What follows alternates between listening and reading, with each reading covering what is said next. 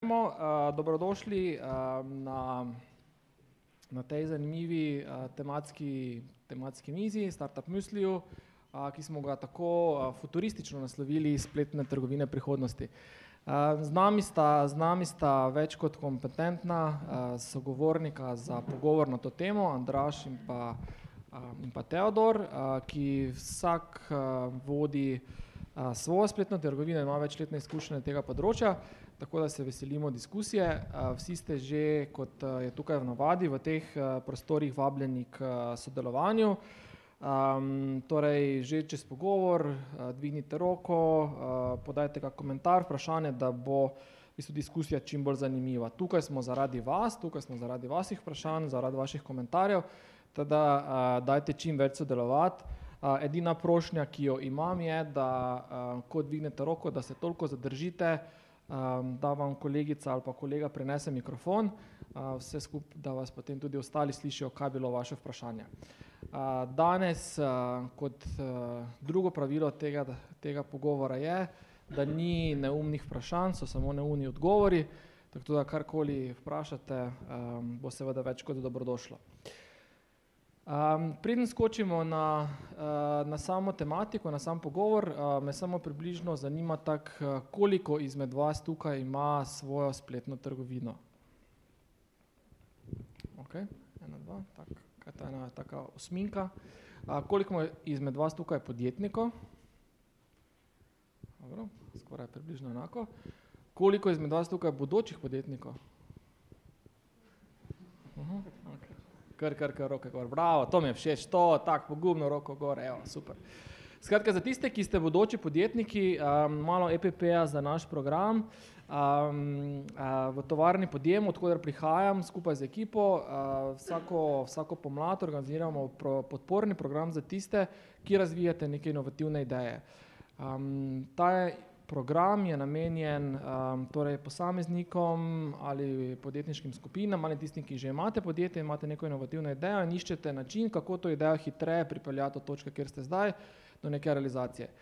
Zdaj, ta program je kombinacija torej vsebinske podpore, uh, torej mentoriranja, delavnic, uh, uh, čisto dela ena na ena in pa neke potencijalne finančne podpore. Skratka, kot verjetno veste, slovenska država skozi slovenski podjetniški sklad podpira inovativne podjetniške ideje z 54 tisoč evrov nepovratnih sredstev, um, ki jih vsako leto razpisuje v okviru produkta P2. Tako da a, to je denar, a, to ni posojilo, to ni kredit, to ni lasniški vložek, to je nepovratno sredstvo, ki v primeru, da ta razpis dobite, lahko v bistvu uporabite za razvoj in štart vaše podjetniške ideje. Tako da razpis bo še ni objavljen, pričakujemo, da bo tako kot že preteklih 12-13 let objavljen nekje v, v za, za, za začetku marca ali pa koncu februarja. Um, predvidevamo tudi, da bo nespremenjen glede na lansko leto in predvidevamo, da bodo pogoji nekje približno enaki. Zdaj, um, pogoj ali pa formula za uspeh je pravočasna priprava, zato tudi tako zgodaj pričenjamo ta program. Tako da vsi tisti, ki vas zanima, se oglasite na tovarne podjemov in se pridružite temu intenzivnemu programu, na katerem bomo vam pomagali, da nekako zvišate možnost pridobitve tega denarja. Ne glede na to, ali štartate na 5.2 ali pa ne, pa vam pač pomagamo na vaši podjetniški poti. Vse storitve, tudi današnji obisk v zahvalo podpore agencije Spirit so brezplačne, tako da um, uh, ne rabite skrbeti tudi za ta način, tako da samo pridite z vašo idejo in uh, bomo kaj fajnega prištimali. In um, v upanju, da iz vas nastanejo kakšna taka fajn podjetja, ki jih imajo moji kolegi danes tukaj, uh, bomo z veseljem z vami sodelovali. Evo, da se pa jaz sedem uh, in bodo. Prosim. Kaj je bilo na začetku, ono, tem, kako sedimo? Ja. Uh, bomo, bomo tudi delali na, torej vidim, da bomo mogli začeti investirati tudi v infrastrukturo uh, tukaj v Kivli. Um, za začetek mogoče um, um, kratka predstavitev uh, obeh, vaj obeh. Uh, Andraš, kar izvoli kot prvi mikrofon, ja. samo dovolj blizu držite, da bomo lahko redo slišali. Tako, super. Ja. En lep večer uh, vsem skupaj. Um, sem Andraš Gaves, uh, ustanovitelj spletne trgovine moja čokolada.si. Um, pol leta nazaj smo ustanovili tudi Fulfillment Center Fully, uh, specializiran skladiščni in pakirni center za spletne trgovine. Um, krati sem solastnik še v nekaj drugih spletnih trgovinah, sicer pa tudi predsednik Društva spletnih trgovcev. V redu, na kratko? Na kratko, koliko let skupaj zgodovine v spletni trgovini se ti že uh, je na, na, nabralo na tvojih, Ja, kar- ne, ne, ne to hrbtom, ampak v tvojih v bistvu, rokah? Um, kar precej v bistvu. No, jaz sem zelo zgodaj začel, um, pri 17, pa potem takoj z 18, um, na študiju Moderni, um, pa vmes na Outfit 7 kot direktor spletne prodaje, um, na Formitasu, um, vmes še zunani svetovalec za e-commerce. tako da Kar nekaj stvari sem, sem že dal čez, um, zdaj pa zadnja leta pa intenzivno z čokoladno spletno trgovino. Super, hvala. Uh, Teodor, imaš svojega. Uh, lepo zdrav, tu je moje ime. Za Predstavitev, tako si videl, piše, kako me ime. Ne? Uh, jaz se pa v bistvu ukvarjam z spletno prodajo športne optike, torej daljnogledov, teleskopov in vsega podobnega. V bistvu z samim spletom se ukvarjam približno deset let. Najprej sem začel pač z blogom, pa čisto tako z bloganjem, pa sem takrat še delal eno drugo kariero, v bistvu sem uh, takrat še bil v, bistvu v strojniških vodah, sem konstruiral čistilne naprave. Potem pa sem tam nekje 2014-2015 sem pa nekako videl, da mi iz teh svojih blogerskih um, začetkov potem tudi naredil in na začetku hobi, pa potem pač posel. Tako da zadnjih, če sem čisti iskren, zadnjih šest let to nekje se pa full time ukvarjam samo pa z spletno trgovino, pa bom rekel ob spletni trgovini tudi še vedno z vsebinskim marketingom, kar je v bistvu blogerstvo nekako preraslo. To, kar je blogerstvo bilo 15-20 let nazaj, je zdaj v bistvu ratel in vsebinski marketing in SEO in vse živo, tako da to me še vedno zelo navdušuje. Super. Uh, hvala. Um, danes imamo zelo taka dva različna primera um, um, spletnih trgovin. Ne. Po eni strani uh, mojo čokolado, um, kjer je osnovni izdelek čokolada, če se ne motim. Ne. Res je. Bravo, petka. um, in pa športna optika, kjer, je, kjer je prevladujejo rekel, izredno dragi um, izdelki športne optike, torej daljnogledi. tehnični, ne, ne, dragi. Kaj? Zih niso dragi. Ne. A, tako da je super, da imamo danes taka dva različna primera, da ne govorimo, a, da, da imamo tudi a, različna zorna kota. Um, skratka, mogoče za začetek, za a, ten taki uvod v to a, debato a, povezano z naslovom, kaj si vidva predstavljata, ko slišita pojem spletna trgovina prihodnosti? Tak, kaj je neka prva asociacija, ki jo dobita na, na ta naslov? Zdaj, v bistvu jaz si predstavljam, da spletna trgovina je vseeno kot posel, relativno mlad posel, ne? to je 20 let maksimum. Ne? In podobno kot je bilo v realnem svetu, ker je 30-40 let nazaj ali pa še več, ne? pač trgovina v normalnem svetu izven interneta je pač potekala od nekdaj. Um, se je razvijala skozi različne faze. Ne? In če se spomnite, mi smo večina, vsaj tisti, ki ste, bom rekel, starejši od 30, pa tu nekje se verjetno spomnite tudi Slovenije, ko je bilo še vse polno majhnih trgovin. Bom rekel splošnih, živilskih in tako dalje. Ne? Potem pa se je to z razvojem pospeševalo, da danes imate velike trgovinske centre, pa imate velike specialiste, tako so bom rekel, ne Špar, pa Mercator, pa Tuš. Potem imate pa samo še v bistvu specializirane majhne trgovine, ki so iz nekih niš. Ne, če greste skozi Maribor, vidite, ne vem, Hartman je tipična takšna trgovina, pa z glasbili, ne, zelo specifična. Pa imate pa Špar, ki je pa pač gigant na drugi strani, kjer prodajo vse. Ne. In jaz mislim, da pri spletni trgovini je, se zelo podoben proces dogaja. Dogaja se to, da 10-15 let nazaj je bilo cel kup spletnih trgovin, ki so prodajale vse. Pa ne, vsak je poskušal prodajati računalnike, vsak je poskušal prodajati vem, laptope, eh, zvočnike, fotoaparate, recimo, ne, to je bilo trgovin polno. Ne. Potem se je pa ta, bom rekel, to igralno polje se je skrčilo na ogromne gigante, torej ne vem, Big Bang, um, Amazon in tako dalje. In skrčil se na tiste majhne specialiste, ki pa ne vem, prodajajo čokolado ali pa mi, ko prodajamo daljnoglede ali pa nekdo, ki prodaja opremo za podvodni ribolov ali kaj vem kaj, nekaj zelo, zelo specifičnega, tistega, kar v ne vem, v nekem Amazonu ne boste najdli, ne, pa v nekem takem, a pa recimo v Sloveniji imamo dober, prej mimo vrste, ne. Na mimo vrste, če greste gledati, dokaj imajo deset daljnogledov, ampak tistih splošnih, ki jih tako dvomim, kdaj kjerega prodajo. Tako da bom rekel, zdaj je ta transformacija po spletni trgovini, da bodo ostali giganti na eni strani, na drugi strani bodo ostali nišni specialisti. Edino, kar se bo po mojem mnenju v prihodnosti zgodilo, kar bo razlikovalo um, svet spletnih trgovin od ostalega realnega sveta, je to, da bo enih cel kup platform, na katerem boste lahko vršili prodajo z ali specializiranimi izdelki ali ne, pa ne boste sami v bistvu imeli svoje lastne spletne trgovine.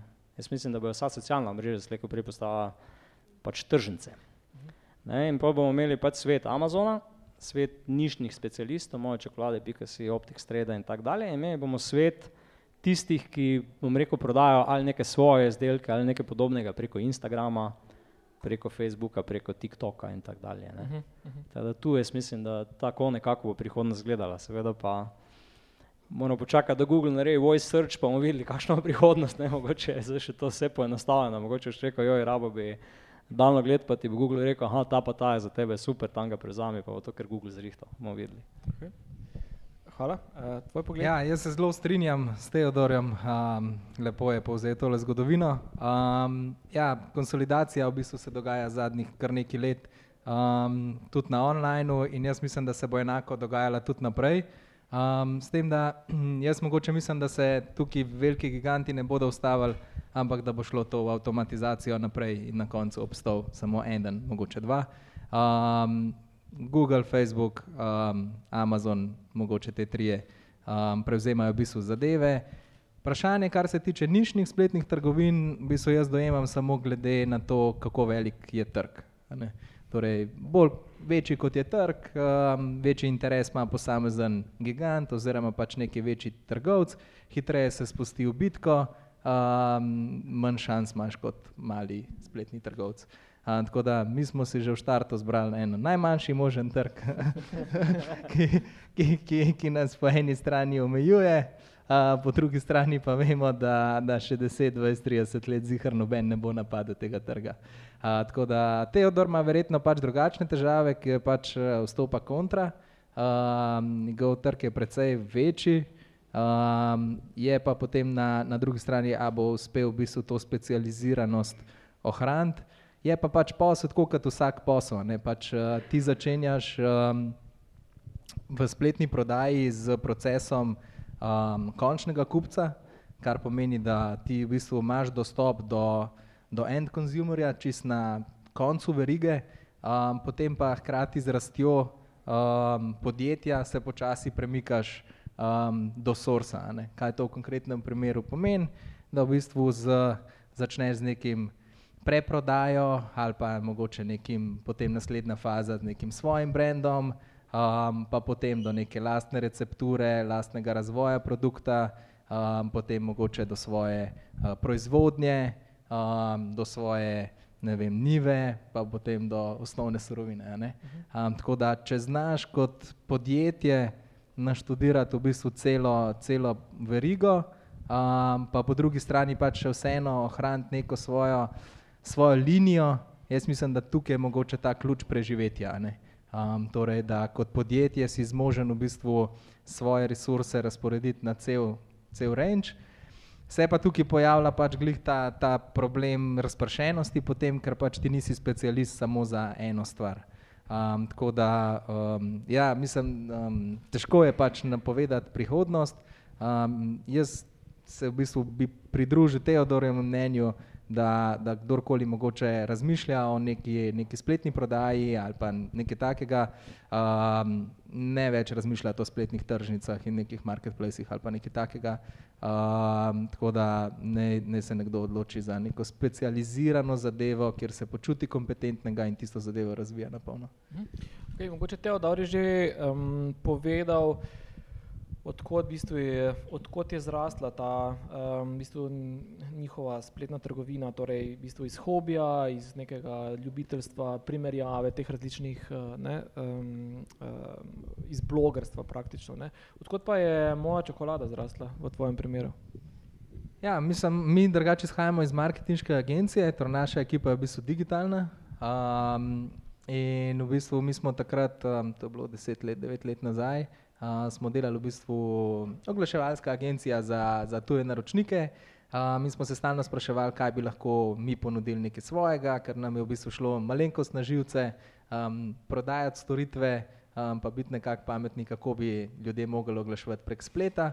Nismo imeli pa svojega produkta ali pa svojih stvari. Potem smo pač iskali, kje bi lahko bil ta naš nišen market. Um, in smo iz tega v bistvu potem enkrat sem jaz čisto na ključju um, videl spletno trgovino v Nemčiji, ki si lahko skreiral si svojo čokolado, personalizirano. Um, sem poklikal to in želel dostaviti na, na dom. Um, Nemci mi jo niso želeli dostaviti v Slovenijo. In zato smo pa pogledali, koga lahko, v bistvu, od koga lahko kupim. Zdaj ti jo morajo. No, je v zakon. Um, in potem pač uh, smo videli, da v Sloveniji je v bistvu čokoladnice, ki so bile takrat, uh, še nihče ni imel v bistvu praktično spletne strani, kaj šele spletne trgovine. Um, in potem smo nekako iz tega štartali, da mogoče je pa tukaj potencial um, in smo šli pač to razvijati mi. Um, je pa tako, kot vsak biznis, pa na začetku težek, mogli smo prepričati vsako stvar, mislim, vsaka, vsakega proizvajalca. Um, na začetku smo še mi fotografirali, smo kupovali produkte, da smo jih fotografirali, da smo lahko jih prodajali. Tako da, um, ja, to začetki so vedno taki, taki težki. In zdaj, ko si omenil, um, da, niste imeli, um, da niste imeli konkurence, da, da ste šli na nišni trg, torej vaš trg je bila personalizirana čokolada, torej ni bila, kar pač poznamo nekaj manjših igralcev na tem trgu, kot je ja. Milka in tako naprej. Ja, um, mi, mi smo rabili v bistvu kar nekaj časa, da smo ugotovili, um, da mi v bistvu resnici ne prodajamo čokolad, ampak prodajamo darila. Um, in, in to je v bistvu takrat, ko smo to ugotovili, takrat smo v bistvu začeli tudi praktično rasti in posledično potem pač pripeljati to do ene točke. Um, na začetku je bilo to čisto kot ljubiteljsko, čokolada se fajn sliši, vsak ima rad, ne, mi pravimo, da 9 od 10 ljudi obožuje čokolado, 10 vedno laže. Um, tako da čokolado pač ne moreš zgrešiti, ampak vedno smo mislili, da je čokolada tista, ki v bistvu vleče zaradi preizkušanja, kako gurmanskih, čisto iz gurmanskega stališča. Um, dejansko pa smo imeli kupce, ki so čokolado kupovali za darila. Ne. Torej, um, to je neka kamuflaža, torej, če se zdaj nekako prelevim v nek start-upovski uh, mindset, ne, um, ki ga imate tudi vi, um, in se popolnoma strinjam s tem, najprej je treba najti dejanski problem uh, od kupca, od uporabnika in potem vedeti, kakšen, kakšen problem to rešuješ. Um, in ko smo mi dojeli, da je ta problem um, v darilu in to v nekaj special, nekaj posebnega, nekaj personaliziranega, nekaj, kar ne najdeš v običajni trgovini, uh, narejenega posebno, posebno za nekoga, um, potem smo znali dejansko to potem speljati posel iz tega. Ne. Ok, cool. Imate na tej točki kakšno vprašanje? Okay. Če zdaj v bistvu z enim vprašanjem zaokrožimo malo te začetke. Ne? Torej, videl ste, začela v enem drugem obdobju, kot, uh, v katerem smo danes, skratka, ne vem, pet, šest let nazaj, uh, recimo, ne, um, ko je bil vseeno štart drugačen. Um, zdaj, če se postavimo vlogo uh, naših poslušalcev, ne, pa se nekdo sprašuje, ok, ne, zdaj, kaj, na katera tri vprašanja, kaj so neka temeljna vprašanja, na katera si moramo odgovoriti, um, če želim dobiti odgovor, ali se mi splača, ali pa, čez, ali pa ima smisel se spustiti v spletno trgovino ali ne. Kaj, kaj je po vašem mnenju, kaj so tiste temeljne stvari, ki jih mora imeti uh, v bistvu, uh, posameznik ali pa skupina razčiščeno, vkolikor se želi spust, uh, dobiti odgovor, da ali ne spletna trgovina. Zdaj, jaz mislim, da prvo in vedno temeljno vprašanje pri vseh stvareh v življenju je, zakaj. Zakaj bi se želeli pač delati spletno trgovino? Ne? Zdaj, če se nekdo to res želi, želi delati, pa če je strasten v tem, potem je srečen, zakaj pa ne. ne? Časi se res fez spreminjajo, ne? samo ljudje pa se ne spreminjamo. Ne? Časi so drugačni in tako dalje, medtem ko človeška narava pa ostaja približno ista že zelo dolgo. Tako da, če je vaš zakaj dovolj močen, boste vse tehnološke vire lahko preskočili. Um, zdaj, seveda pa je, če dobro premislite strategijo na začetku, je manj lažje ovire preskakovati. Ne? Uh, tako da, če je zakaj dovolj močen posel, pa vseeno treba, pač bom rekel, vprašati pri sebi, um, katero je tisto področje, pri katerem boste lahko vztrajali še tu čez pet let. Torej, da vas dovolj osebno motivira, da boste lahko pač, bom rekel, premagovali vse ovire in vse še čez pet, pa deset, pa petnajst, pa petindvajset let, pač kako dolgo želite biti v tem. Um, potem pa tisto področje analizirati, kakšen je trg, pa kako se ga boste lotili, ker zdaj mi govorimo o spletni trgovini, ampak spletna trgovina je lahko vse, od enega landing pagea, ko delate svoj izdelek, danes sem videl eno punco na enem vašem dogodku, ki dela nakit, svoj lasten, ne. In dobro, ona ima zdaj več izdelkov, ampak če bi rekli tako, ona dela samo za ene kategorije nakit, pa večinoma dela pač, vem, ogrlice ali karkoli, ima v bistvu en svoj izdelek ima lahko en landing page in je to spletna trgovina, ne. Na drugi strani lahko greste pač, bom rekel, v skrajnosti, da ste megastore v neki ozki niši, ne, recimo to je naše področje, mi imamo sedeminsedemdeset tisoč izdelkov v svoji trgovini, ne. Smo čisto ozki niši, ampak pač imamo, bom rekel, res dosti izdelkov. če res dobro pač naštudirate, pač katero področje se boste lotili, potem se ga morate lotiti s pač pravilno strategijo, ne. In se morate pač na začetku določiti področja, ki se jih je pač najbolj pomembno lotiti. Si lahko si lahko malo bolj konkreten, ker zdaj recimo predpostavljamo, da vsi tukaj imate strast, da vsi tukaj gorite od želje po spletni trgovini, da sanjate Amazon in Mimovrste in mojo čokolado in in tako naprej, ne. in zdaj okej, predpostavljam, da so te stvari, zakaj in te stvari razčiščene, ne. Kaj, kaj bi tako poenostavljeno z z s toliko let zgodovine kot izkušen spletni trgovec rekel: to pa ziher ti mora biti kristalno jasno," ali pa: "To lastnost moraš imeti," ali pa, kaj je neki must, da se nekdo sploh loti trgovine? Okej, prvo bi to rekel, jaz mislim, da večina ljudi, kaj sreča nimajo, zakaj strinjam. Ne, so ljudje že v poslu pet let, pa še vedno nimajo, zakaj razčiščeno, imajo to skozi potem težave zaradi tega. Drugače pa jaz mislim, da če se lotite spletne trgovine, najprej se morate vprašati, kako boste ustvarili svoj following, kako boste ustvarili svoj pač, bom rekel, gruč ljudi, ki bojo vas sledila, obiskovala in tako dalje. Vsi se ukvarjajo s tem, kako postaviti spletno platformo, da bom dal gor svoje izdelke pa začel prodajati. Pol pa vsi naredijo, spletna trgovina, v redu, gremo na WooCommerce, gremo na Shopify, gremo na Magento, okej, smo zbrali, recimo, ne vem, Shopify postavimo, izdelke damo noter, zdaj pa, zdaj pa noben ne kupuje, kaj pa zdaj? Okej, naredimo analitiko, imamo šest obiskovalcev na dan. Konverzija je pa, recimo, če je res dobra, je pol procenta, pa to je nima skoraj nihče. najprej bi se morali vsi začeti ukvarjati s tem, kako priti do ljudi, kako priti do tega, da pride trideset tisoč ljudi na tvojo spletno stran vsak dan. Potem ko pa v bistvu ta problem rešiš, da ljudje prihajajo, potem pa jim lahko ponudiš pa prodaš. Jaz bi rekel, prva stvar, ki bi se mogel vsak lotiti, je to, da se analizira s svojo spletno trgovino, s temi izdelki, kateri problem rešuje. Ker recimo zelo dobro je Andraž zdaj povedal, ne, da oni so pogruntali, da rešujejo problem darila. Recimo mi smo od nekdaj v bistvu isto stvar reševali, ko sem jaz bil bloger, sem reševal problem, da imaš petsto daljnogledov, katerega izbrati. Ne, imam očala, star sem petintrideset, kateri daljnogled naj zdaj izberem, pa rabim ga za opazovanje ptic. Pa odpreš povprečno spletno stran, tako je naša, pa imaš, tisoč osemsto dvogledov. Katerega boš izbral? Torej mi od nekdaj rešujemo problem ljudi, kaj izbrati. Pri nas je v bistvu spletna trgovina kolateralna dejavnost. In tudi, bom rekel, kar se kadrov tiče, smo isto strukturirani, pri nas se od petnajstih ljudi s spletno trgovino jih šest ukvarja, ostalih devet se jih pa ukvarja v bistvu z marketingom, z reševanjem problema, kaj kupiti od teh naših kupcev. In torej, če začenjate čisto na začetku, bi rekel, prvo, kar si morate ustvariti, je gručo ljudi, ki jih to isto področje, na katerem boste vi prodajali izdelke, zanima in ki bojo vaš za referenco ali pa za nekega guruja ali pa karkoli, ki jim zna pač pomagati pri izbiri ali pa jim rešujete neki drug problem, ne. Ko pa ustvarite obisk, potem je pa naslednji korak se ukvarjati, kaj tem ljudem prodati in kako jim prodati, ne. Jaz bi mogoče tukaj dodal, se strinjam drugače s Teodorjem, to je strategija mogoče številka ena. druga možnost, ki jo pa mogoče tudi marsikdo zanemarja, je pa dejansko neki ustvariti product market fit, ne. po drugi strani pa, pa vidimo dandanes en kup influencerjev, instagramerjev, youtuberjev, facebookarjev, vsak z eno gručo ljudi, pač fake ali pa ta pravimi, ampak če, če odmislimo torej neko fazo prehodno, v kateri smo ta trenutek, da podjetja množično oglašujejo na, na njihovih platformah, zato ker je to popularno. ampak če gremo mogoče pol leta ali pa leto kasneje, Um, jaz mislim, da, da je potem ključno v bistvu v tem, kakšen produkt realno prodajate, oziroma kakšen problem rešujete.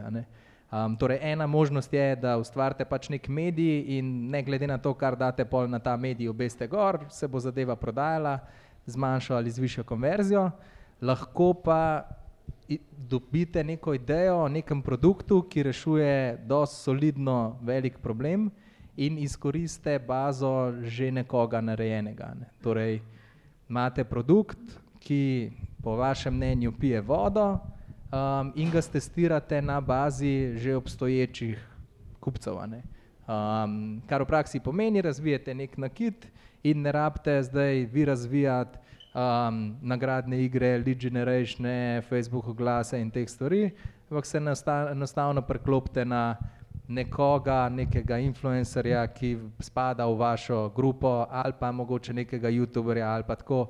Um, izkoriste v bistvu medij, na katerem nekdo že ima to, to platformo. Um, torej, ali greste iz strani um, medija, pa potem greste strani, na strani produktov, um, ali pa greste iz strani produkta, pa na konc koncev boste itak mogli imeti oboje. No. To je pač neko dejstvo um, na, na nek uh, dolgoročen način. Ne. Tako Teodor, ki je vse, iz vsebinskega marketinga izhaja, um, mora na konc koncu prodajati dobre produkte, brez tega ne bi nič prodal. Um, in kontra nekdo, če bi izhajal iz dobrega produkta, um, če nima svojih, uh, svoje baze kupcev um, ali pa neke svoje baze uporabnikov, tudi na koncu ne bi nič prodal. Ne. Jaz mislim, da ta Hvala. tema, pa to vprašanje je pač zelo zahtevno, zaradi tega, ker se pač po spletno trgovino jemlje vse, ne, ker je tako široko. Ne, kaj začeti, če hočeš ustvariti nek megastor v nekem področju, je čist drugače od tega, kako začeti, če želiš z enim svojim produktom, ki ga sam delaš, pač reči prodati po Sloveniji ne, ali karkoli. Se pa čist strinjam tukaj, da pač to je čist neko strateško, mogoče tudi vprašanje za vsakega posameznika. Ne. Ta zakaj se mi zdi res pomemben, um, ker na podlagi tega v bistvu tudi strukturiraš svoje podjetje naprej. Ne. Moj osebni zakaj je bil vedno um, zaradi svobode. Ne meni osebno pomeni remote job in to, da um, lahko delam kjerkoli, kadarkoli, um, več v bistvu kot karkoli. No. Um, kar pomeni, da podjetje je mehko, mi smo štirje zaposleni, mi smo vsi na remote, um, lahko delamo v bistvu od kjerkoli na svetu. Um, Medtem ko Teodor predvidevam, da ima drugačno drugačno vizijo no, tudi podjetja. Zakaj, ja. um, in posledično se to zelo lepo odraža, če preslikaš v bistvu pet let naprej. Um, v našem primeru smo še vedno mehni, delamo, smo štiri zaposleni, 500 tisoč evrov prometa in ostajamo nekako na podobnem nivoju um, zadnjih dveh let, seveda z neko rastjo, ampak to ne brutalno veliko. Um, koliko je vas? Nas je 16, smo tudi še mali. Ja, ampak v petih letih ste naredili precej večji premik. Um, Kaj zamiš? No? Ja.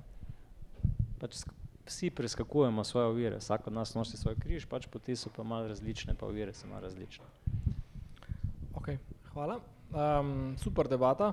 In ta del uh, o tem, uh, zakaj bi gotovo lahko še nadaljevali, um, ampak bi tukaj ta del, zakaj malo vseeno parkiral, pa se bolj v bistvu sredotočil um, na samo spletno trgovino kot spletno trgovino. Zdaj, um, mogoče malo bolj tehnološko, tak, kot neko mašinerijo, ki pač v bistvu mora teči, da se tako dogaja ta prodaja.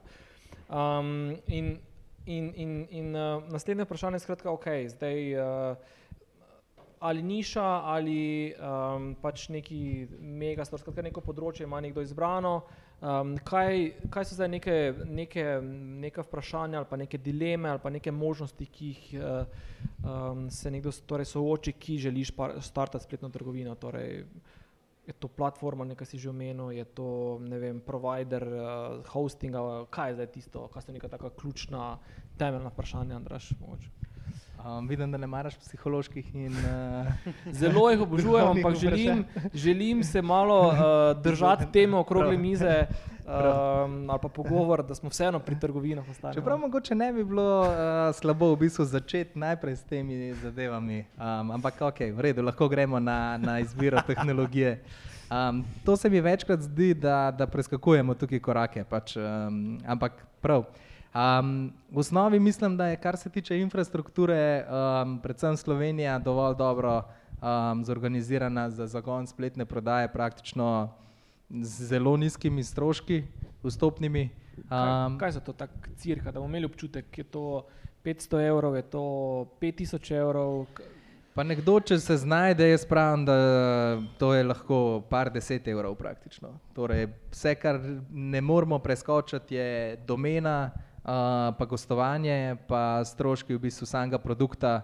Um, to je odvisno, seveda, kaj prodajate in kaj dejansko ponujate. Um, vse ostale stvari so v bistvu um, nematerialne, kar pomeni, da je odvisno pač od tvoje iznajdljivosti, uh, socialnega kroga in tako naprej. Um, vsak začetek je težak, ne, ampak um, pač to se je treba vzeti v zakup, pa, pa dejansko tudi um, iti korak po koraku. Uh, velikrat je tako, da kdaj mogoče preskočimo kakšno zadevo, kakšne investicije se prehitro naredijo, uh, pa potem pridemo dejansko do osnovnih problemov spet. No. Ampak ja, da sem malo bolj konkreten glede tega, um, jaz mislim, da tehnične rešitve so na dlani, govorimo tukaj o nekih WordPressih, Shopifyjih, um, infrastrukturo um, imate poskrbljeno, lahko tudi s Fuljem, kar se fulfillment centra tiče, v Sloveniji, lahko tudi v tujini, če se kdo dela globalno. Um, tudi z Amazonom v bistvu se da marsikaj delati. Um, je pa tukaj pa vprašanje same, same konkurence oziroma same dodane vrednosti, ki jo nek posameznik ustvarja. ne. Torej, vprašati se je treba predvsem, zakaj bi nekdo kupil od mene ali pa izbral moj produkt ali pa mojo storitev in zakaj ne od nekoga drugega. Ne. Um, torej, kje je moja dodana vrednost, um, zakaj, zakaj kupiti pri meni. Um, in če si odgovorimo na to vprašanje, ali je to v super produktu, v super storitvi, super poprodajni storitvi, super brendu, mogoče, velikrat je včasih samo brend. Če izhajaš v bistvu iz Teodorjeve strategije, v stilu najprej si naberi občinstvo, um, potem je lahko tudi praktično zelo brezvezen produkt s tvojim brandom gor na, nalepljen, a ne. Uh, pa pije vodo. Ne. Um, za nek začetek. Seveda, potem za neko dolgoročno strategijo je treba pač imeti solidne produkte, ampak um, jaz sem priča, zdaj v bistvu lahko konkretno povem, uh, občudujem uh, Pitch Booty Plan, lahko si malo pogledate. Um, to sta v bistvu dva mulca, bom rekel, ki praktično zadnjih par mesecev res razturavata na spletu. ne. Um, to je enostavna ideja, imate v bistvu elastiko za krepitev ritnih mišic, kako bi temu rekel. Um, dala sta na svoj produkt v bistvu svoj brand, um, dobra zgodba, um, lušna dodana vrednost in to pije vodo. ne. Kako se točno imenuje? Pitch Booty Plan. Peach Booty Plan. Okay. Okay. Uh, mogoče samo malo, ker si tako lepo Zdaj, jaz tu malo vseeno skočil, ne, ker da on je odprl zelo tako Pandorino skrinjico. Okay, uh, uh, zadrži si misel, uh, ostanem malo še pri tebi, Andraš, tako si super strukturiral, uh, v bistvu zakaj, um, torej iz uporabniškega vidika, zakaj ne, uh, pride kupec na spletno trgovino in rekel si, ali je to super brand, ali je to super produkt, ali je to super eh, ponakupna storitev. Lahko mogoče za vsak izmed teh treh argumentov um, poveš, ali pa se spomniš kakega super primera spletne trgovine. Uh, torej, t- ta pitch booty plan je ja. Primer brenda, torej ko nekdo zaradi brenda pač kupuje.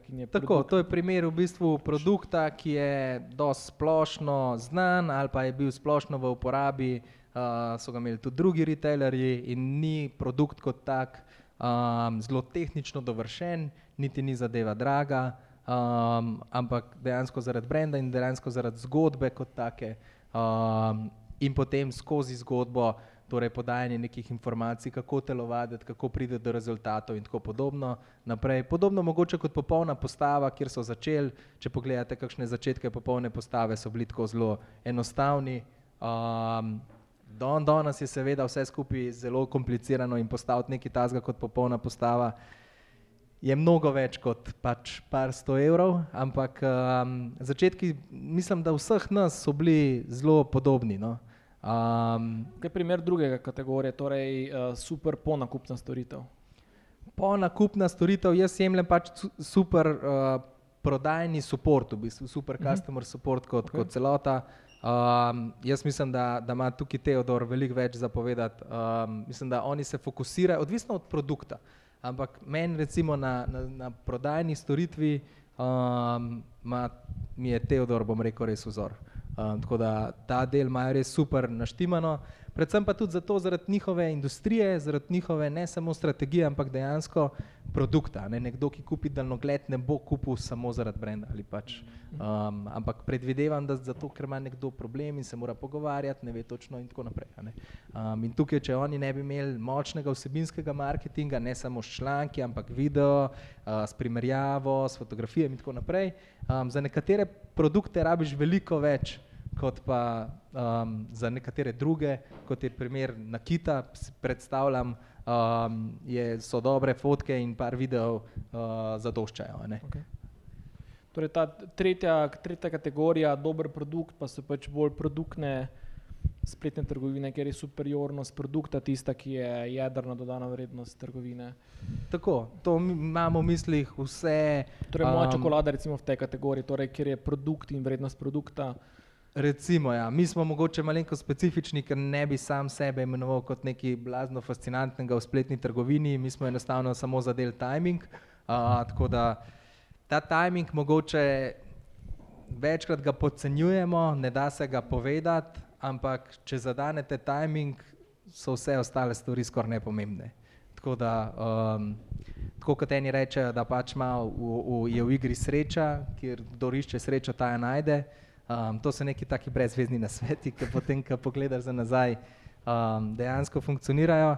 Ampak um, tudi uh, someščan, recimo Robert Farazin, um, ki, ki je, mislim, da je dobil prvo milijonsko investicijo v Sloveniji, um, njegov, njegov glavna, glavni moto, ki me že deset let spremlja, je pač ta njegov timing, ki, ki pravi, on že od skozi, da timing je tisti ključni in če zadaneš timing, potem je vse ostalo. Um, bo mm. pride, pride zraven. Um, tako da, kar se pa produkta tiče, pa mislim predvsem na to, da, da ja, je nekaj posebnega, je nekaj unikat, um, je pa res težko v bistvu don danes uh, v bistvu konkurirati z kitajskimi copycati, um, ki karkoli uspeš nekaj zelo zanimivega narediti, zelo hitro skopirajo. Um, mogoče nek tak primer slovenski, um, kar se tiče produkta, je firma Equa. Um, tako da jaz jih občudujem vse, kar v bistvu delajo. Oni se fokusirajo predvsem na produkt in dizajn um, in to je njihova ključna dodana vrednost. Uh, torej razvoj samega produkta, pa sploh, če pogledamo, zdaj ni tako zelo tehnološko dovršen, um, ampak verjamem, da je bilo te produkte zmetanih ogromno število ur. Mm, mm. Um. Super, super, hvala. Tako sem rekel. Pandorina skrinjica. Ja, Pandorina skrinjica. Torej, kaj je danes pri spletnih trgovinah, kar se infrastrukture tiče. Ne? Zdaj, Andraš je zelo dobro povedal. Ne? V Sloveniji, če vi greste samo na slovenski trg z zelo malim številom izdelkov, recimo, evo, pitch booty plan je najboljša primer. Ne? Imate en izdelek, dobro, šest različnih barv, ampak en izdelek. V bistvu bi lahko imeli en landing page za prodajo. Do, dobro, ti poznaš to pa... trgovino. Znam večino. pa, če ste dal časa v tem začeti analizirati, vse ostale spletne trgovine tu, zato da vidite, kje so v razmišljanju. Um, če greste v to smer prodaje, torej en izdelek, omejen trg Slovenija, recimo, ne, potem vas lahko brand, dober brand, ščiti pred vsem ostalim. To pomeni, da lahko imate za nič user experience, lahko imate počasno stran, lahko imate SEO, torej Search Engine Optimization, neprijazno stran do Google, pa boste zaradi moči brenda vse to zdržali. In Slovenija recimo kot malem tržišču, če gledamo poprečno razvito spletnih trgovin, se izboljšuje, ampak vseeno, bom rekel, smo precej od zadaj, če pogledamo svet. Že sam, če pogledamo plačilne metode, v Sloveniji, bom rekel, kakršne koli eksotične plačilne metode, jih praktično v spletnih trgovinah ni. Potem prijete na metode pošiljanja. Koliko metod pošiljanja imamo v Sloveniji? DPD, GLS, pošta, kdo drugi še dela Slovenija, Face nišče. Pridemo do vse posod do enostavnih stvari in za slovenski trg, za malo izdelkov, vi res lahko štartate spletno trgovino z, jaz bom rekel, bolj optimistično 3000 evri, rečemo za infrastrukturo, vseeno, da imate malo lufta. Če pa greste gledati globalno, pa da nimate dovolj močnega brenda, da bi vas lahko brand ščito, pa še posebej, če ste v branži, kjer morate v bistvu loviti organski obisk, torej da imate SEO, enega od ključnih elementov, pač bom rekel, za privabljanje obiska na svojo spletno stran, potem pa se to postavi na glavo. Ne. In tu jaz sam vidim največje spremembe, kar se infrastrukture tiče. Ne. Recimo, ko, smo, ko sem jaz začenjal z iskanjem platforme, na kateri bomo mi štartali, to je bilo 2012. leta, pa pol sem sam programiral, pa vse tako delal. 2013. sem kao popoldan splavil trgovino, da je začela delati na Magento 1 in tako dalje, je bila cela moj izdelek takrat je bilo, bom rekel, za neko, pa moram v bistvu en background dati, trgovino, ki je globalna, mi imamo enajst store view, to pomeni enajst različic spletne trgovine za to, iz katerega dela sveta ste, torej če ste vi Američan, vidite drugačno spletno trgovino, kot če ste Evropejec, pa če ste Avstralec, pa če ste Japonec, pa če ste Južno uh. Uh, potem, če v bistvu na globalen trg ciljate, potem pa se pri infrastrukturi zaplete. Ne? In zdaj bom rekel, tam 2013. leta, 14. leta je to bilo 5000 evrov, pa Magento 1, pa hosting za recimo 300-400 evrov na mesec. Danes so pa te igre čist drugačne. Ne? Če vi želite biti konkurenčni globalno, potem vas brand več ne ščiti toliko, da bi vam slab user experience lahko, bom rekel, da bi lahko ga stranka preskočila. Ne? Ker vi, ko na mobilu nekdo pogleda vaša spletna stran, če se ne odpre dve sekundi, ste že zunaj. Ne? če ni, bom rekel, SEO dovolj dobra, da lahko vi rangirate kjerkoli po svetu med top, rečemo, dvajset zadetkov, torej da ste na koncu druge strani vsaj, vas ni, ne? če ste pod tem, ne obstajate. In tu se pa pri platformah zaplete. Ne? Zdaj pa, kje se še zaplete pri platformah, še imate res veliko izdelkov, kako pridete vi nad 50 tisoč izdelkov v spletni trgovini, jih je samo še par platform. Ne? In tu pa stroški, bom rekel, eksponentno naraščajo, sploh zadnja leta. Ne. Recimo, mi pač uporabljamo Magento, ki je trenutno, mislim, še vedno največji ne. Uh, med temi pač velikimi stori. Ne. Potem druga platforma, taka je Shopify, uh, tretja je WooCommerce, ampak je že omejena na velikost, ne. pole pa je SAP. Ne. In tu grejo pa stroški, recimo čisto konkretno, licence za Magento. 2014. leta, ko smo se mi prvič začeli za Enterprise zanimati, je bila 10 tisoč dolarjev. Uh, leta 2019 je bila 96 tisoč dolarjev na leto. Ne, to je eksponenten skok. Ne, in danes bom rekel, bom čisto konkretno rekel, nas stane hosting 2 ure pol na mesec. Vzdrževanje spletne strani 6500 evrov na mesec. To ni niti, to je ena čist druga skala. Ne. Ko vi morate biti globalno konkurenčni, se vse spremeni. In tudi uh, UX, ne, torej kot user experience, ko prodajate drage izdelke, ki jih ljudje lahko kupijo kjerkoli, kjer ljudje prihajajo iz celega sveta, torej tudi američani, ki imajo attention span 4 sekunde, ali ne, 1,3 sekunde. 1,7 mislim. 1,7 sekunde, ne, attention span poprečnega kupca. Kaj je to attention span? Kako dolgo v bistvu stane na spletni strani, kako dolgo v bistvu njegovo pozornost stvar sploh pritegne. 1,7 sekunde, če vi tiste 1,7 sekunde nimate. Torej na Instagramu, ko scrollaš, 1,7 sekunde zadržiš Mhm. tvoj pogled. Da opaziš. No, okay. To pomeni, da recimo, če vi na Google kliknete na zadetek, pa ni v 1,7 sekunde cel naložen produkt na stran za vsem, kar vas zanima, vas ni. Tu se pa stvari zapletejo in grejo stroške v nebo. Ne. Okay. Ampak to si zdaj dal za primer platformo, ja. pa primer, kako vzdrževati v bistvu neko že obstoječo. Ja, zdaj bom rekel, nove zadeva. platforme, pa bom tako rekel, vse če gledate bom rekel, večje projekte v Sloveniji, kar se e-commerce tiče v zadnjem času. Ne. Torej, Intersport je bil večji projekt, ne. potem je bil Merkur, EKVB se zdaj dela. Uh, to so vsi projekti od 150 tisoč evrov gor. Ne. Okay, torej, to je en, en veliki, zdaj, če malo, malo povzamem, uh, en velika odločitev je ali v bistvu bolj lokalno, pa v bistvu torej eno, torej eno je skala, torej globalno lokalno, drugo je um, količina izdelkov, uh, ki jih imamo v storu, torej 70 tisoč versus vem, 10 ali pa 20 ali pa, ali pa 100 recimo. Ne. Um, kaj bi še rekla, da je taka neka. Um, Pa jaz mislim, da tako kot v vsaki industriji, tako kot v vsakem biznisu, tudi če se hočeš ti, ne vem, uh, da hočeš biti voziti tovornjak. Eno je, da, da imaš svoj tovornjak, ga vzameš na leasing, kot plačuješ vsako mesečno plačilo, enako je tudi v e-commerceu, greš na Shopify ni vstopnih stroškov. Drugo je, če želiš imeti ti podjetje, ki upravlja z desetimi tovornjaki, imaš svoje zaposlene, imaš infrastrukturo in tako naprej. Tukaj pridemo do tega, zakaj oziroma kako potem naprej. Torej, če imaš razčiščen, kakšen je tvoj zakaj, potem tudi imaš naprej, kako bodo tvoji nadaljni koraki in kakšne bodo strategije.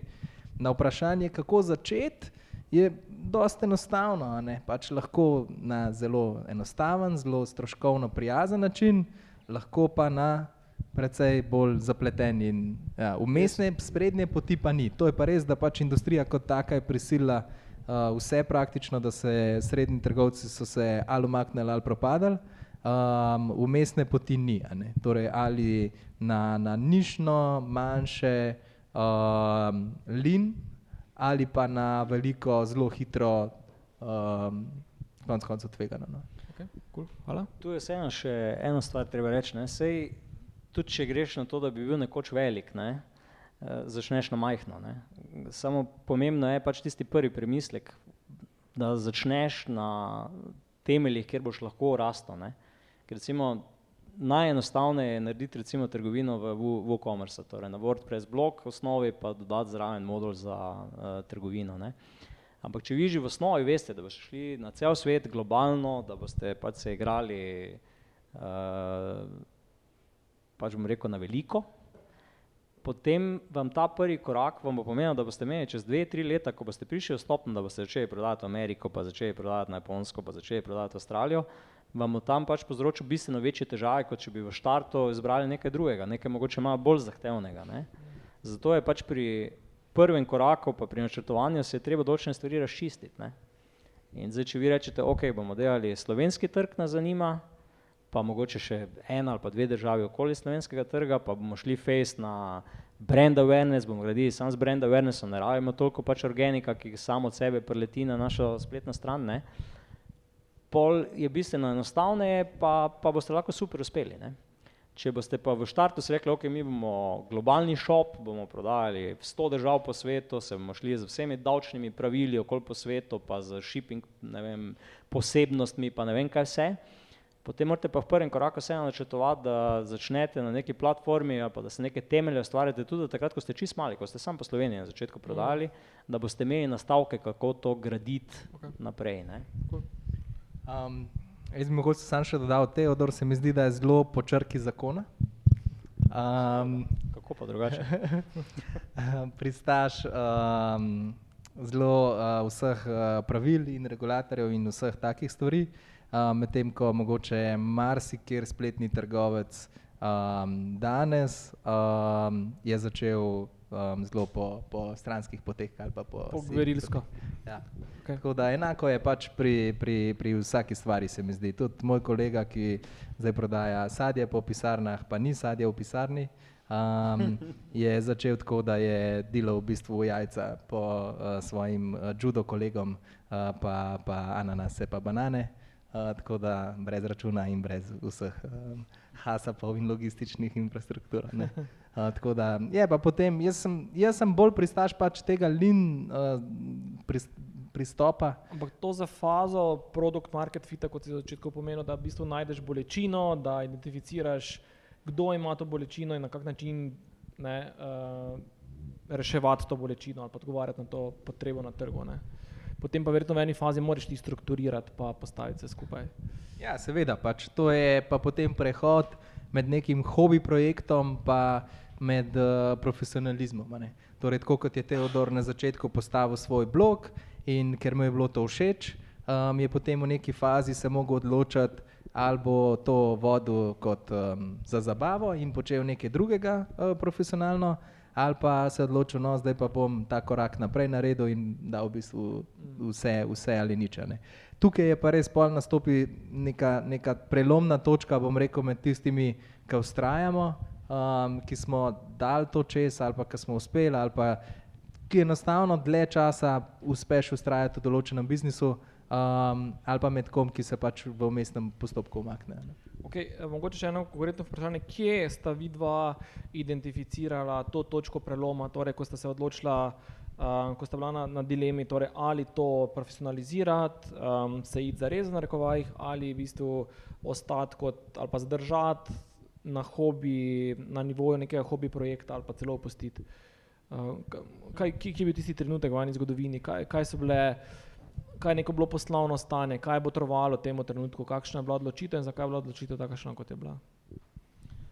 Pri meni je bilo relativno enostavno. Jaz sem pač hodil v zelo zanit službo in se neko tega življenja ne bi rad delal. Ne?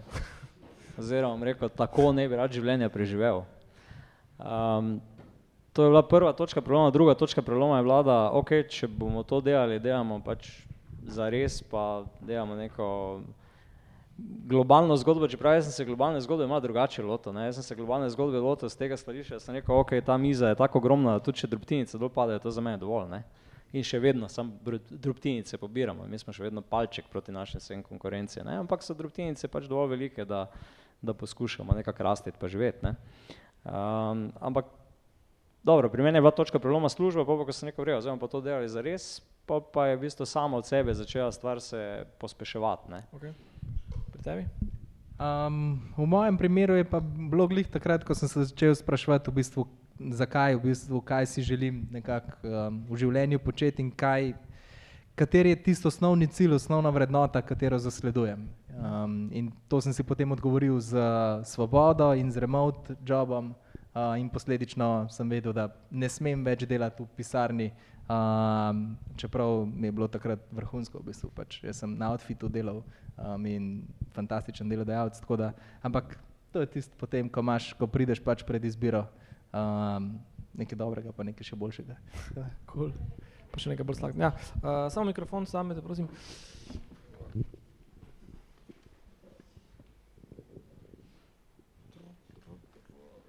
kozarca razvil. Evo, Lepo zdrav.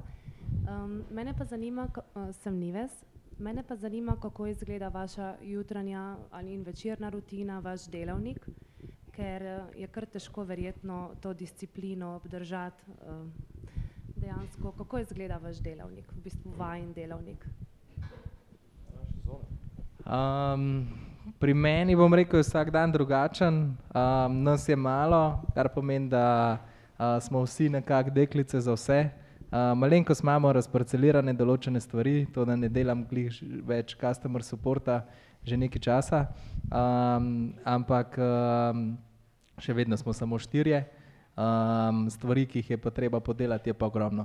Um, tako da v osnovi preživimo vsi po 8, 9, 10 ur na računalnikih, um, je pa tako, da odvisno od jutra, kako se zbudim. Um, torej, če se zbudim tako, da si želim iti na pohorje, grem nas na pohorje in pridem za kosilo in potem potegnem pozno v noč. Um, ali obratno, zjutraj takoj podelam stvari in potem popovdne frej. Um, so pa določene obveznosti, ki pač zrastijo podjetja, um, ne moreš več obežati. Um, recimo zdaj zaposlujemo novo osebo in Um, dan sem imel že od sedmih zjutraj, pa praktično do, do tega predavanja, razgovore na eno uro. Um, tako da razgibano. Ja. Hvala. Um, jaz sem bolj tak, uh, kako bi rekel, navaden. Orno kot disciplin. Ne, ne ja, dobro, delno, ampak ja. Ne. Um, zdaj prvo, kar je, jaz sem si v bistvu ustvaril tako okolje, da službo ne jemljem kot službo. Jaz prvo kot prvo sem imel to srečo, da, sem, da smo se nekako zbrali taki ljudje v naši skupini, da sem jaz obkrožen z najbolj čudovitimi ljudmi, kar sem lahko. In, uh, to imamo z mojo punco dosti krat razgovor in delo zvečer, zakaj jaz kome čakam, da podelim zjutraj, da grem v službo. Ker v bistvu ne grem v službo, ampak jaz grem v moj peskovnik, pa se imamo skupaj, res fajn. Um, tako da koliko je, bom rekel, ta aspekt, da je res pač neverjetno žitek delati v taki skupini ljudi, pa da imamo, bom rekel, mi igramo to neskončno dolgo igro. Ne? Mi imamo v naši firmi stoletne strategije, pa počasi smo začeli tisočletne strategije delati, pa tako dalje, ker se dosti hecamo na to temo, ampak dejansko je pa res, mi igramo neskončno dolgo igro. Ne? In mi imamo pač vsako leto cel januar planiranje, kaj se bomo to leto delali, pa kaj se bi se komu pač bomo rekel v glavi pripetivo, da bi rekel, joj, to je bilo pa super ideja, daj probajmo, ne. Pa pa celo leto pač to igramo, pa probamo, pa naredimo deset stvari, pa je osem failov, ampak dva pa ful uspeta, pa tako dalje, tako da v bistvu malo od fejse tako igramo, ne. Kar se pa časa tiče, je pa tako, da jaz se zelo nerad zgodaj zjutraj vstajam, tako da vsi moji sodelavci vejo, da pač jaz pridem enkrat, ko pridem, ne. V ponedeljkih se držim, da pridem tam nekje pred deveto uro, ker potem imamo v ponedeljek zjutraj vedno krog, pa se usedemo, pa se eno uro menimo, pa študiramo, kaj bomo ta teden delali v tem našem stoletnem planu, ne. pol pa se v bistvu, bom rekel, okej, se odvije ponedeljek, pol je ponedeljek ob štirih grem vedno savno, pa sem cel večer savni, da lahko razmišljam. Potem je torek, pridem recimo ob devetih zjutraj v službo, pa se cel torek večinoma posvečam posameznim oddelkom, v naši firmi imamo pet stebrov, v naši firmi en steber je marketing, potem je prodaja, pol je spletna trgovina, pol je logistika, pa je poslovna analitika, ne, teh pet. In to je vse skupaj na temelju ekipe, zgoraj je pa streha, ke je naše poslanstvo. Mi rečemo, naše poslanstvo nas ščiti pred vsem, tudi pred krizami pa vsem, ker če bomo dovolj sledili našemu poslanstvu, vse v redu. Tako da v torek se ukvarjam s tem, kako bom rekel, z vsako vsakim stebrom, kaj delamo, v vsakem stebru se kako uro, uro pa pol ustavim, ali pa tam nekje, no. sredo se običajno potem z dobavitelji pa z v sredo maile odgovarjam, rad se držim, da ponedeljek pa torek me ne morete dobiti ne na telefon ne na mail. oziroma če res ni kaj nujnega, me dobite na telefon, drugače pa maile običajno odgovarjam ob sredah. Tako pol se ukvarjam sredo z maili. Koliko imaš sredo mailov? Dejansko ti uspe enkrat na teden samo odgovarjati? dostikrat tudi samo enkrat na dva tedna. Sem videl, da začelo se je tako, ker je pač, bom rekel, bilo na začetku, pa je to neprijetno, pa ne bi, pa pustiš, pa malo leži, ne, saj vsi vemo one maile, ko pa pol pa vidiš, na koncu se ljudje navadijo na to, ne, pa kar je pri meni, da sem pač ugotovil, da so vse stvari stokrat boljše narejene, če jih ne jaz delam. Tako da jaz v bistvu skrbim za to, da so v naši ekipi vsi tako srečni ko jaz in pol je vse narejeno. Tako da jaz v bistvu pol, bom rekel, skačem od človeka do človeka pa pa ga vprašam, kaj mu lahko pomagam, kaj rabi, kako bi ga osrečil, kaj, kaj mu lahko, ne vem, omogočim in pol je vse narejeno, tako da v bistvu se ukvarjam s tem, katero delo še dati stran nekje, da bo narejeno, ker če je na meni, pol zaradi tega, bom rekel, suporta vsem mojim sodelavcem pa vsem stebrom v naši firmi, če je samo na meni, jaz pač bottleneck, ne. v četrtek se pa običajno ukvarjam z našim, mi imamo ful različnih softwarjev uporabljamo, ampak eden meni najljubših je Teamwork. To je v bistvu za project management, da mi v bistvu čisto vse stvari, ki jih delamo, razbijemo na projekte, pa bom rekel, v teh projektih zadolžimo ljudi noter, pol si oni v bistvu pišejo, koliko ur so na katerem projektu delali, da lahko številčimo, toliko ur smo dali sem noter, toliko smo ven dobili nekega efekta. Da vidimo onih osem failov, ne, pa dva, ko dobro delata. tako da v bistvu četrtek večinoma delam na tem Teamworku, zato ker se poskušam noter čim več ukvarjati z razvojem funkcionalnosti novih v naši spletni trgovini. Ker tisto, ko sem rekel, ko sem rekel, koliko mi za vzdrževanje namenimo na mesec, recimo to je za zunanje izvajalce, v bistvu gre od tega mogoče za dvajset procentov za dejansko vzdrževanje obstoječega sistema, vse ostalo gre za razvoj novih funkcionalnosti, ker sem jaz pač ful verjamem v to, da v naši branži pa na naš poslovni model bo UX pa SEO kompatibilnost blazno pomembna, ne.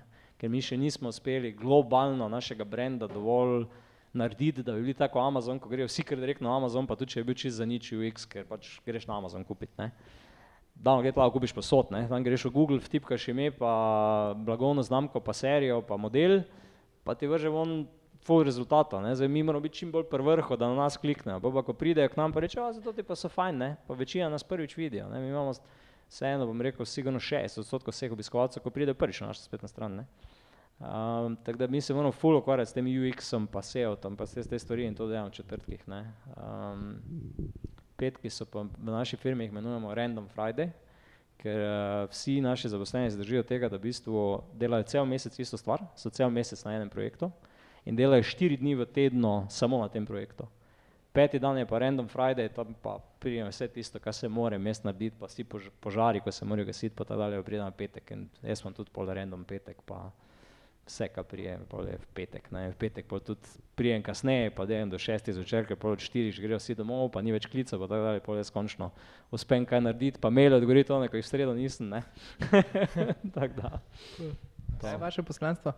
uh, pomagati ljudem izbrati, pomagati jim lajšati to prednakupno tesnobo. Uh, tako da naša stoletna strategija je v bistvu ustvariti svet, kjer v naši branži, našim kupcom, naredimo svet, kjer ni več, bom rekel, te tesnobe pred nakupom, kaj kupiti, pa joj, da se ne bo zajebal. Ker je optik stred, pa jih vprašaš, pa ti povejo, pa veš, da to je najboljši produkt za sebe, kaj se ga lahko kupiš. Hvala. Uh, še kako vprašanje? Ja? Aha, tam zadaj, čisto. Uh, lahko prosti ti stopiš naprej, gleda, ne bo tu uh, 200 metrov kabla potegnili. Ja. Sam vem, Mene pa zanima tako bolj, ne tako tehnično, kdaj je bilo treba te um, meje digitalnega prestopiti, ali je bilo kaj marketinga tudi v živo na kakih sejmih, mogoče pri kakem daljno gledu, ali pa ki v tem poslu se pa stopi v fizični svet. Hvala.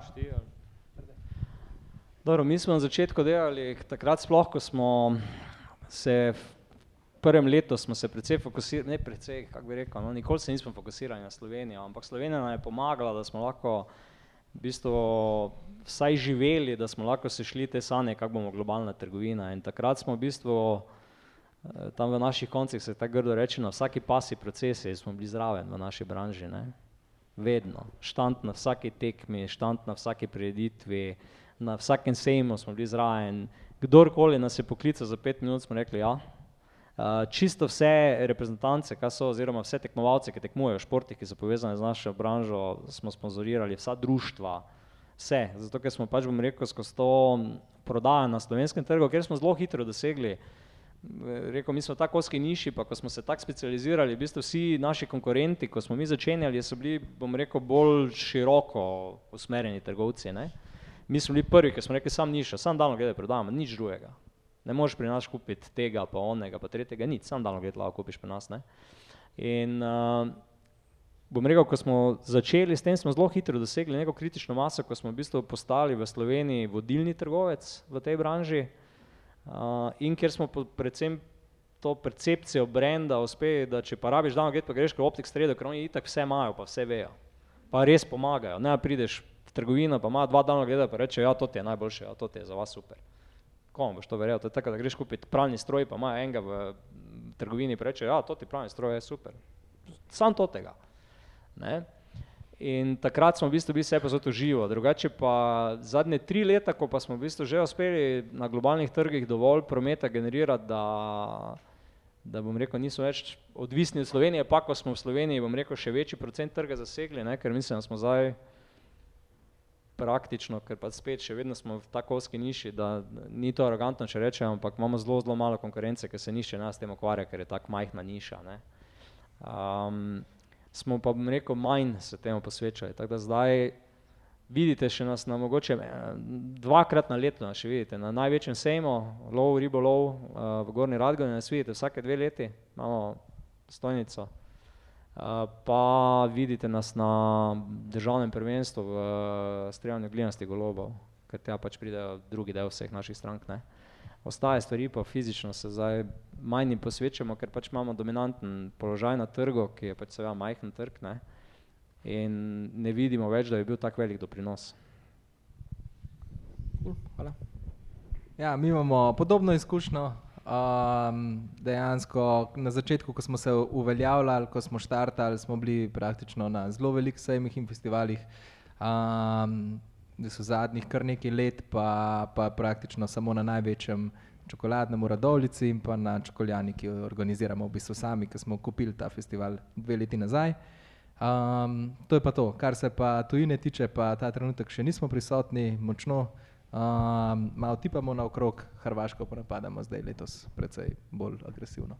Cool. Um, mogoče za zaključek, uh, ker se nam čas počasi izteka, um, malo tako bolj inspirativno, inspirativni zaključek. Pogoče vsak izmed vaju uh, si ne zamisli eno spletno trgovino, ki je po enem elementu vama totalno carska in vzor in jo občudujete. In ne mine dan, ko ne greš tako gledati na to spletno trgovino, ker je, ker je res tako super v enem elementu. Pa to ni vajna, no, to, to, to, to daj ta stran. um, Meni... Razložite malo, kaj je tisti element in zakaj uh, je ja, super. Meni je uh, fantastičen ozor, pa ne hodim vsak dan na to spletno trgovino, uh, ličila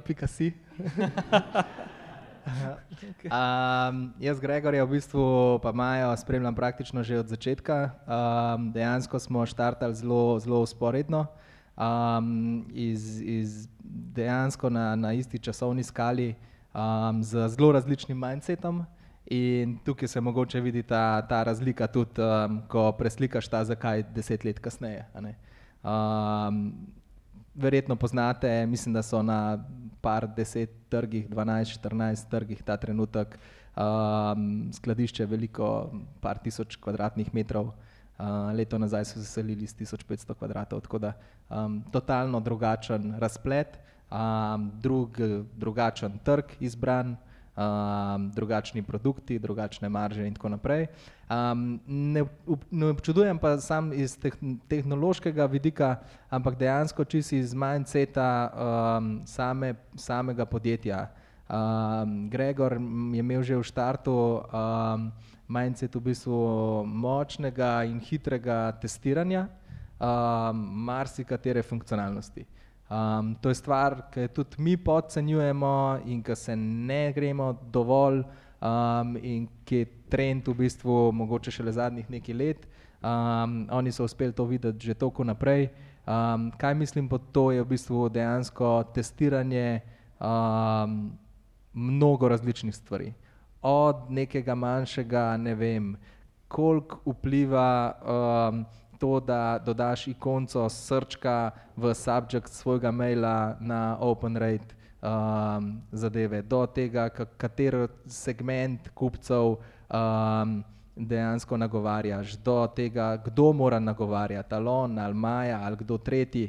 Um, mislim, da so zdaj z Majo pristali, pa so že 14 trgov, pa mislim, da ne vem, par ljudi pošilja maile, pa je to še vsem piše, da je Maja vse pošilja.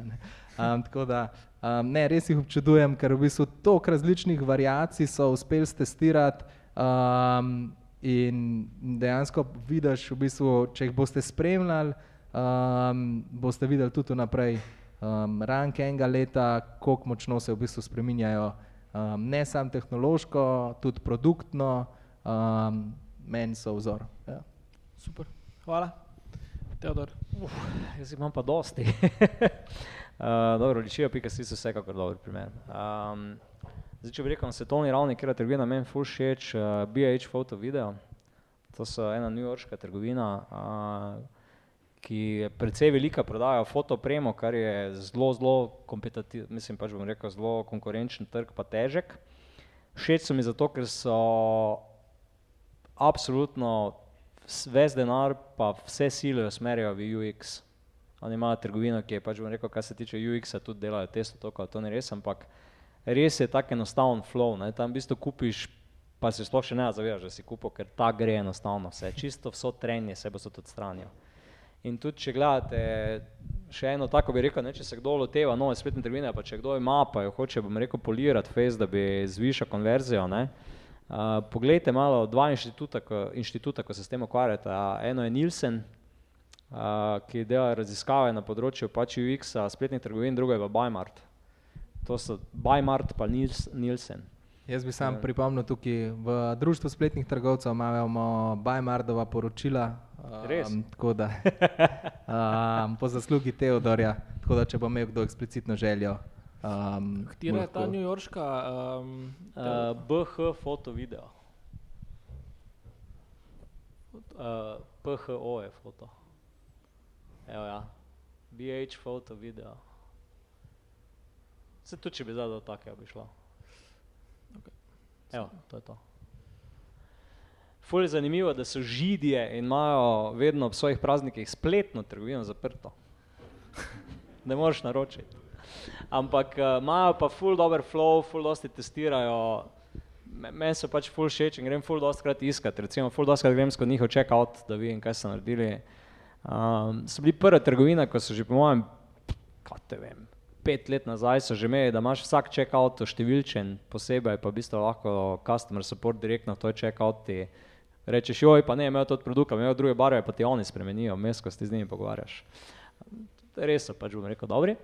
Uh, ok, kar se slovenskih trgovin tiče, pa bom šel bolj v to smer, kar si ti rekel. Recimo, kaj se mi zdi, kar se tiče brand awarenessa, tak je res uspeh, je proteini.si. Jaz nisem njihova stranka, nikoli že nisem nič kupil od njih, njihov lastnik je naša stranka, ok, tako se poznamo. Uh, tudi bom rekel, kar se meni osebnega življenja tiče, dobro, hojem fitness, ampak nisem v tem mindsetu, ampak kar se pa tiče tega, da ti uspeš prepričati cel kup strank, da kupujejo tvoj pač merchandise in ga nosijo okoli in te delajo reklame, pa so plačali za to, to je pa wow, ne. To, to pa je res ne moreš verjeti. Um, dobro, pustimo, to se mi, kar se tiče brenda, ne, brand awareness, tako močen in jaz verjamem, da marsikdo v Sloveniji, ko gre pač beljakovine kupiti, rekel, rekel na proteini.si, ker je pač to posod takole, ne. Um, In oni so tudi relativno mladi, ne, mislim, relativno. So Ja. bile spletne trgovine z športno prehrano, ki so dvakrat starejše od njih, recimo. Ne. Ja. Sem dosti vertikalah imamo spletne trgovine, ko pridejo, pa so ko meteor, ne. Ampak take spletne trgovine ne začne s 300 evrov. Ja. Uh, Ampak za zakaj? Hec. A, zdaj še okej. malo razmišljam. Oprosti, še vzel sem ti misel. Čokolada? Dajmo hitro zbrati, ker jo čokolado bomo Mi, kupili. mi smo glih v prenovi, tako da Kaj pa zdaj gor, uh, maintenance, pa prazen peč.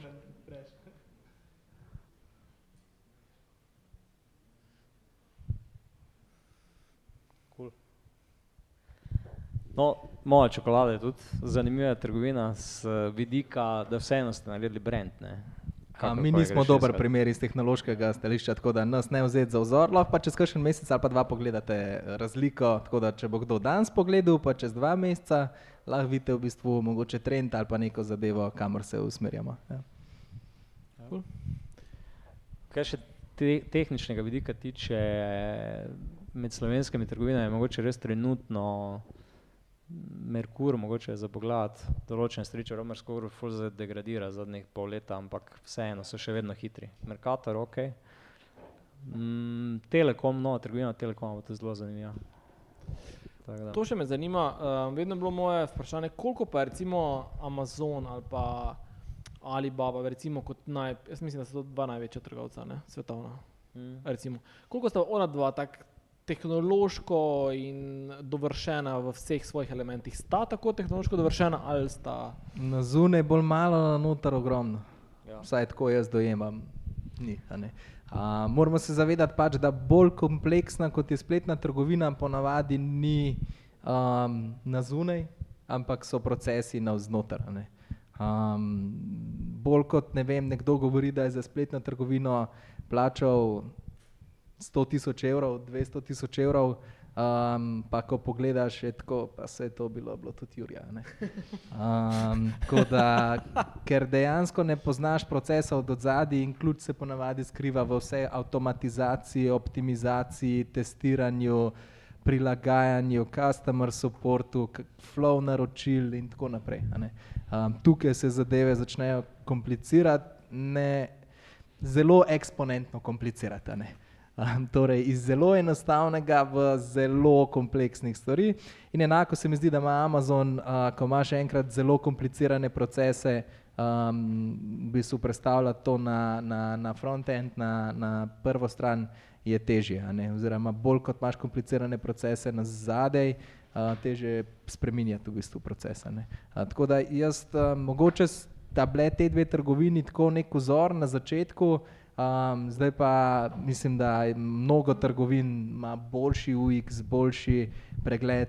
Um, ampak ja, Amazon pa Alibaba sta mogoče tipičen primer, um, ki vidimo, da dizajn ni vse in da lahko še z dizajnerji, kreativci debatiramo pozno v noč, um, pa, pa me ne bodo prepričali, da, da neka boljša UX eh, dela. Mi dva se recimo z Gregorjem smo na začetku imela zličila.si, on je programer po, po srcu, um, mi pa smo se čokolade lotili bolj iz stališča dizajna.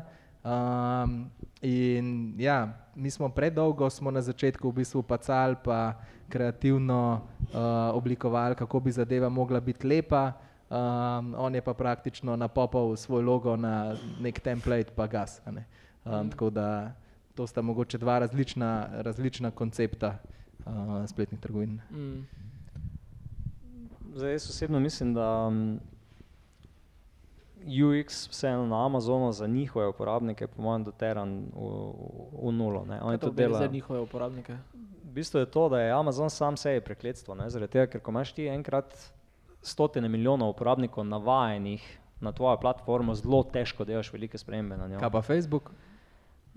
Facebook pa jaz mislim, da je v izumiranju. Jaz mislim, da čez par let vprašanje, če se bomo pogovarjali, če, kaj se je s Facebookom zgodilo. Oziroma, naše Ja, Samo oni babice spremenjajo na vsake pol leta. Ja, ampak so Uspejo. tudi ujetniki svoje baze, pa še kar je stvar pri socialnih omrežjih, da hitreje pridejo iz mode.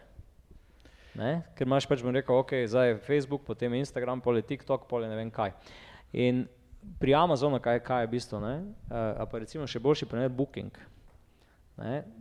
Mi smo vsi navajeni ga uporabljati takšne, kot je. In Amazon ima pač ne vem, 180 milijonov uporabnikov na Primu v Ameriki in ko ti vi spremenite en gumb nekaj, je to hud problem. Ne?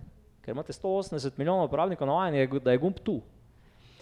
Ampak vseeno pa oni v bistvu mečejo ne milijone, milijarde v razvoj pač vseh funkcionalnosti, ki jih drugače sploh na spletnih trgovinah ne bi poznali. Ne? V končni fazi oni so zračunali, da vsaka desetinka uh, ja, vsaka desetinka sekunde nalaganja in pade konverzija za en procent, nekaj takega. Ne? V glavnem, izpiljeni so do, do, pač do, do maksimuma za uporabnike, ki jih imajo. Problem je za tiste uporabnike, ki prihajajo iz Evrope, problem je za uporabnike, ki nismo od nekdaj navajeni Amazona, ko smo navajeni nekih malo bolj všečnih trgovin, drugačnih barv, bolj svežih fontov, kaj vem kaj. Nam je pa Amazon, joj, kaj je to, ne? In še večji problem, kar se tega tiče, ima pač Alibaba, ne? ker pač kitajski uporabniki, ki so njihovi primarni uporabniki, ne? Uh, so pač navajeni kričečih barv, utripajočih zadev, ne vem kaj vse. Ne? In, in je to zelo težko pač prevesti, da bi bilo vse posod po svetu enako všečno. Ne? Ja, jaz, jaz se strinjam, navadna je, re- je železna srajca. Zato, vem, mi, ki smo se kadarkoli sprašvali, kako spletno trgovino oblikovati ali pa dejansko načrtovati, uh, se nikoli nismo zgledovali po največjih. Um, ker pač treba se zavedati, da največji pač imajo največje težave ne, in tudi pri spreminjanju procesov. Tako da velikrat se je lepše nasloniti na kakšne manjše, vzeti za vzor nekoga, ki se hitro spreminja um, in spremlja v bistvu Mm. trende iz danes Mm, na jutro. Še, še eno, eno um, res zaključno vprašanje. Ko govorimo o prihodnosti spletnih trgovin uh, ali, pa, ali pa prihodnosti nakupovanja ali pa digitalnega nakupovanja, digitalne naku, uh, izkušnje. Recimo Kitajska je, Kitajska je združila vse digitalni svet v malem v WeChat in tam ta WeChat, v tej aplikaciji je vse, je trgovina, je naročanje frizerja, uh, paradajza, um, klepetanja s prijatelji, vsega. Ne? Ali vidita to vrstno um, um, izkušnjo ali pa to vrstni trend tudi v ostalih delih Evrope ali pa, ali pa, ali pa sveta ali pa ali vidita, ne vem, ali Facebook ali katerekoli izmed teh omrežij, da bo posrkalo vse spletne trgovine in bo združilo v neko singularnost, eh, singularno spletno trgovino izkušnjo. Ja, jaz sem prepričan, da se bo zgodilo to prej, kot slej. Um, počakajte, da jih hrana začne prodajati še kaj drugega. Um, dejansko je, je mislim, sej, če pogledamo sam iz logičnega stališča, ne, najprej je potrebna infrastruktura, um, najprej seveda early adopterji, ki sprejmejo sploh spletno nakupovanje kot tako um, nakupovanje iz kavča, potem pa dejansko um, čist do, do, do zadnje milje, do zadnje sekunde, um, da še preden v bistvu ti sploh želiš naročiti, imaš že doma. Um, še, še, še pred svojim pomislekom, da bi ti to imel, že veš, da že oni vejo, kaj, kaj boš ti jedel jutri za zajtrk. Um, tako da vse gre v to smer. Um, lep primer, mogoče ena anekdota od kolega, ki je bil na um, japonskem. Um, v Tokiu neka aplikacija obstaja, baje, ki se je on vračal v bistvu z enega poslovnega sestanka in vmes naročal um, večerjo za, današnjo, za današnji dan, torej ob 4-5 je naročil. Um, in je v umestnem času, torej v 20 minutah, kolikor je on rabu od podzemne železnice do, do apartmaja, um, je v bistvu preko aplikacije opravil nakup in je on že imel pripravljene sestavine za, za svojo večerjo tik pred vrati. Um, torej, v, ko enkrat pridemo do tega nivoja, da ko ti potrebuješ um, zadevo na klik, ta trenutek, zdaj, ko si lačen, stegneš roko in imaš pred sabo, um, in ko pozabiš na darilo za Valentinovo in take podobne stvari, um, potem pač logično gre vse v to smer. Um, Sej tudi Uber, recimo, ne, pač uh, Uber Eats gre lepo uh, v, v druge, druge sfere. Um, najprej je seveda ta infrastruktura, ki se mora zgraditi, um, potem naprej se pa to razčlen v, v druge stvari. Jaz, jaz tu, gledam. ja, jaz moram reči, da ne vem, ne? ker uh, zelo radi govorimo o vseh tehnologijah, ki prihajajo, pa kak se, tudi jaz sam ne govorim, jo, enkrat bo voice search, pa boš rekel, to pa to bi rad, pa boš dobil, ne, ne bo več deset zadetkov, pa ne vem, uh, knowledge grapha, pa uh, kaj se že oni, snippetov, pa featured snippets, pa ne vem kaj se, ne bo zginilo, bo samo search, pač voice search, ne. Po drugi strani pa, če gledamo druge, pa razvoj se nam ne teče tako hitro, ne? Ker uh, jaz ne verjamem, da bo Amazon zginil, ne? jaz ne verjamem, da bo Zapos zginil.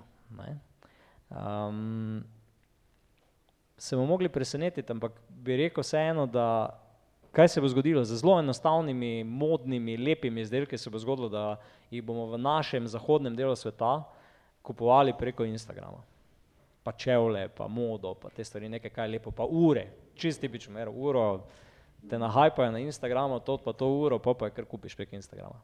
To po mojem zelo hitro, rata realnost za stvari, ki si jih želimo, ki so modne, ki so lepe. Za stvari, ki si jih pa tudi želimo, pa rabimo pač neko, bom rekel, mentalno, razumno potrditev, da si potem, bom rekel, dovolimo srcu, da si jih kupi, ne, tam pa je proces dosti daljši, dosti težji in ne bo tako hiter, ne, ker pri nakupih moramo ločiti med tistimi, ki so instinktivni, torej sem lačen, zdaj bi to jedel, je vseeno, ja, ok, danes bo vietnamska hrana v redu, prosim, eno po bo, ne, juho pa gremo. Drugo pa je, ko recimo kupujete avto, ne, koliko avto lahko kupite na spletu, direktno na klik, pa ga dobite na svoj hof, mislim na svoje dvorišče. Ve kdo?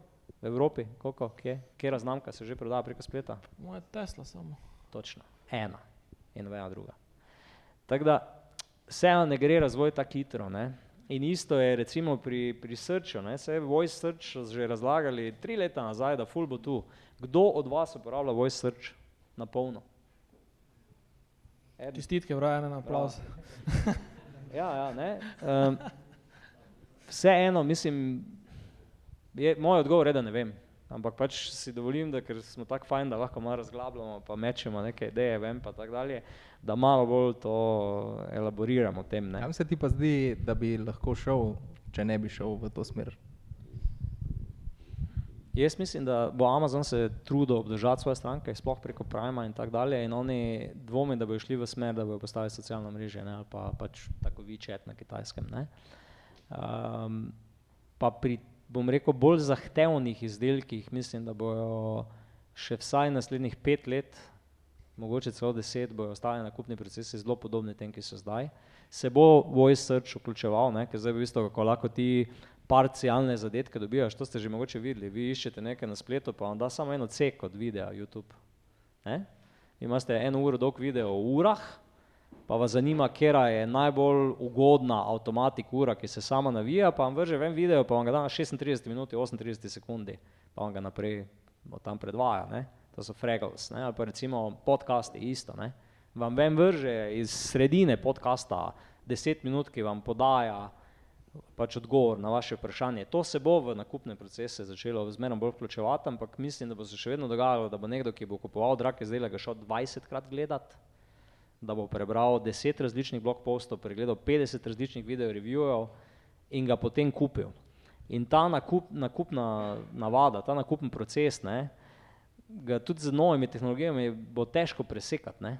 Ti ne boš mogel na Instagramu nekomu ponujati, da pogleda 50 različnih video reviewov o rekel, vem, pravnem stroju, ki ga bo kupil ali pa avtomobilu, ki ga bo kupil. Ne. Težko boš to na Instagramu naredil, pa težko boš potem avto prodal preko Instagrama. Tako da to mislim, da bo ostalo še vsaj pet let podobno, kot se zdaj dogaja. Torej, specializirane spletne trgovine, Google Search, YouTube Search, pa mogoče še ne vem, kam, kje še ljudje iščejo informacije pred nakupom. Ne. Čokolado pa obvezno na Instagram. Ne. Ne, jaz, sem, jaz sem bolj zagovornik v bistvu avtomatizacije, optimizacije celega procesa, od A do Ž. Ne vidim drugih možnosti. Seveda za vsako stvar rabi svoj čas in se strinjam, da te stvari, vprašanje, če bodo v naslednjih 50 letih, 100, 100 letih, koliko časa bodo pač potrebovale. Um, ampak ne vem, se mi zdi podobno kot je z elektriko, električnimi avtomobili. Ja. Kdaj bodo prišle, je boljše vprašanje, kot pa, a bodo ali ne bodo. Mi imamo backup plan, to je edino, kar je važno. Ja, ne bo zdaj bude obelodano. Uh, hvala obema, en uh, velik aplaus, uh, prosim.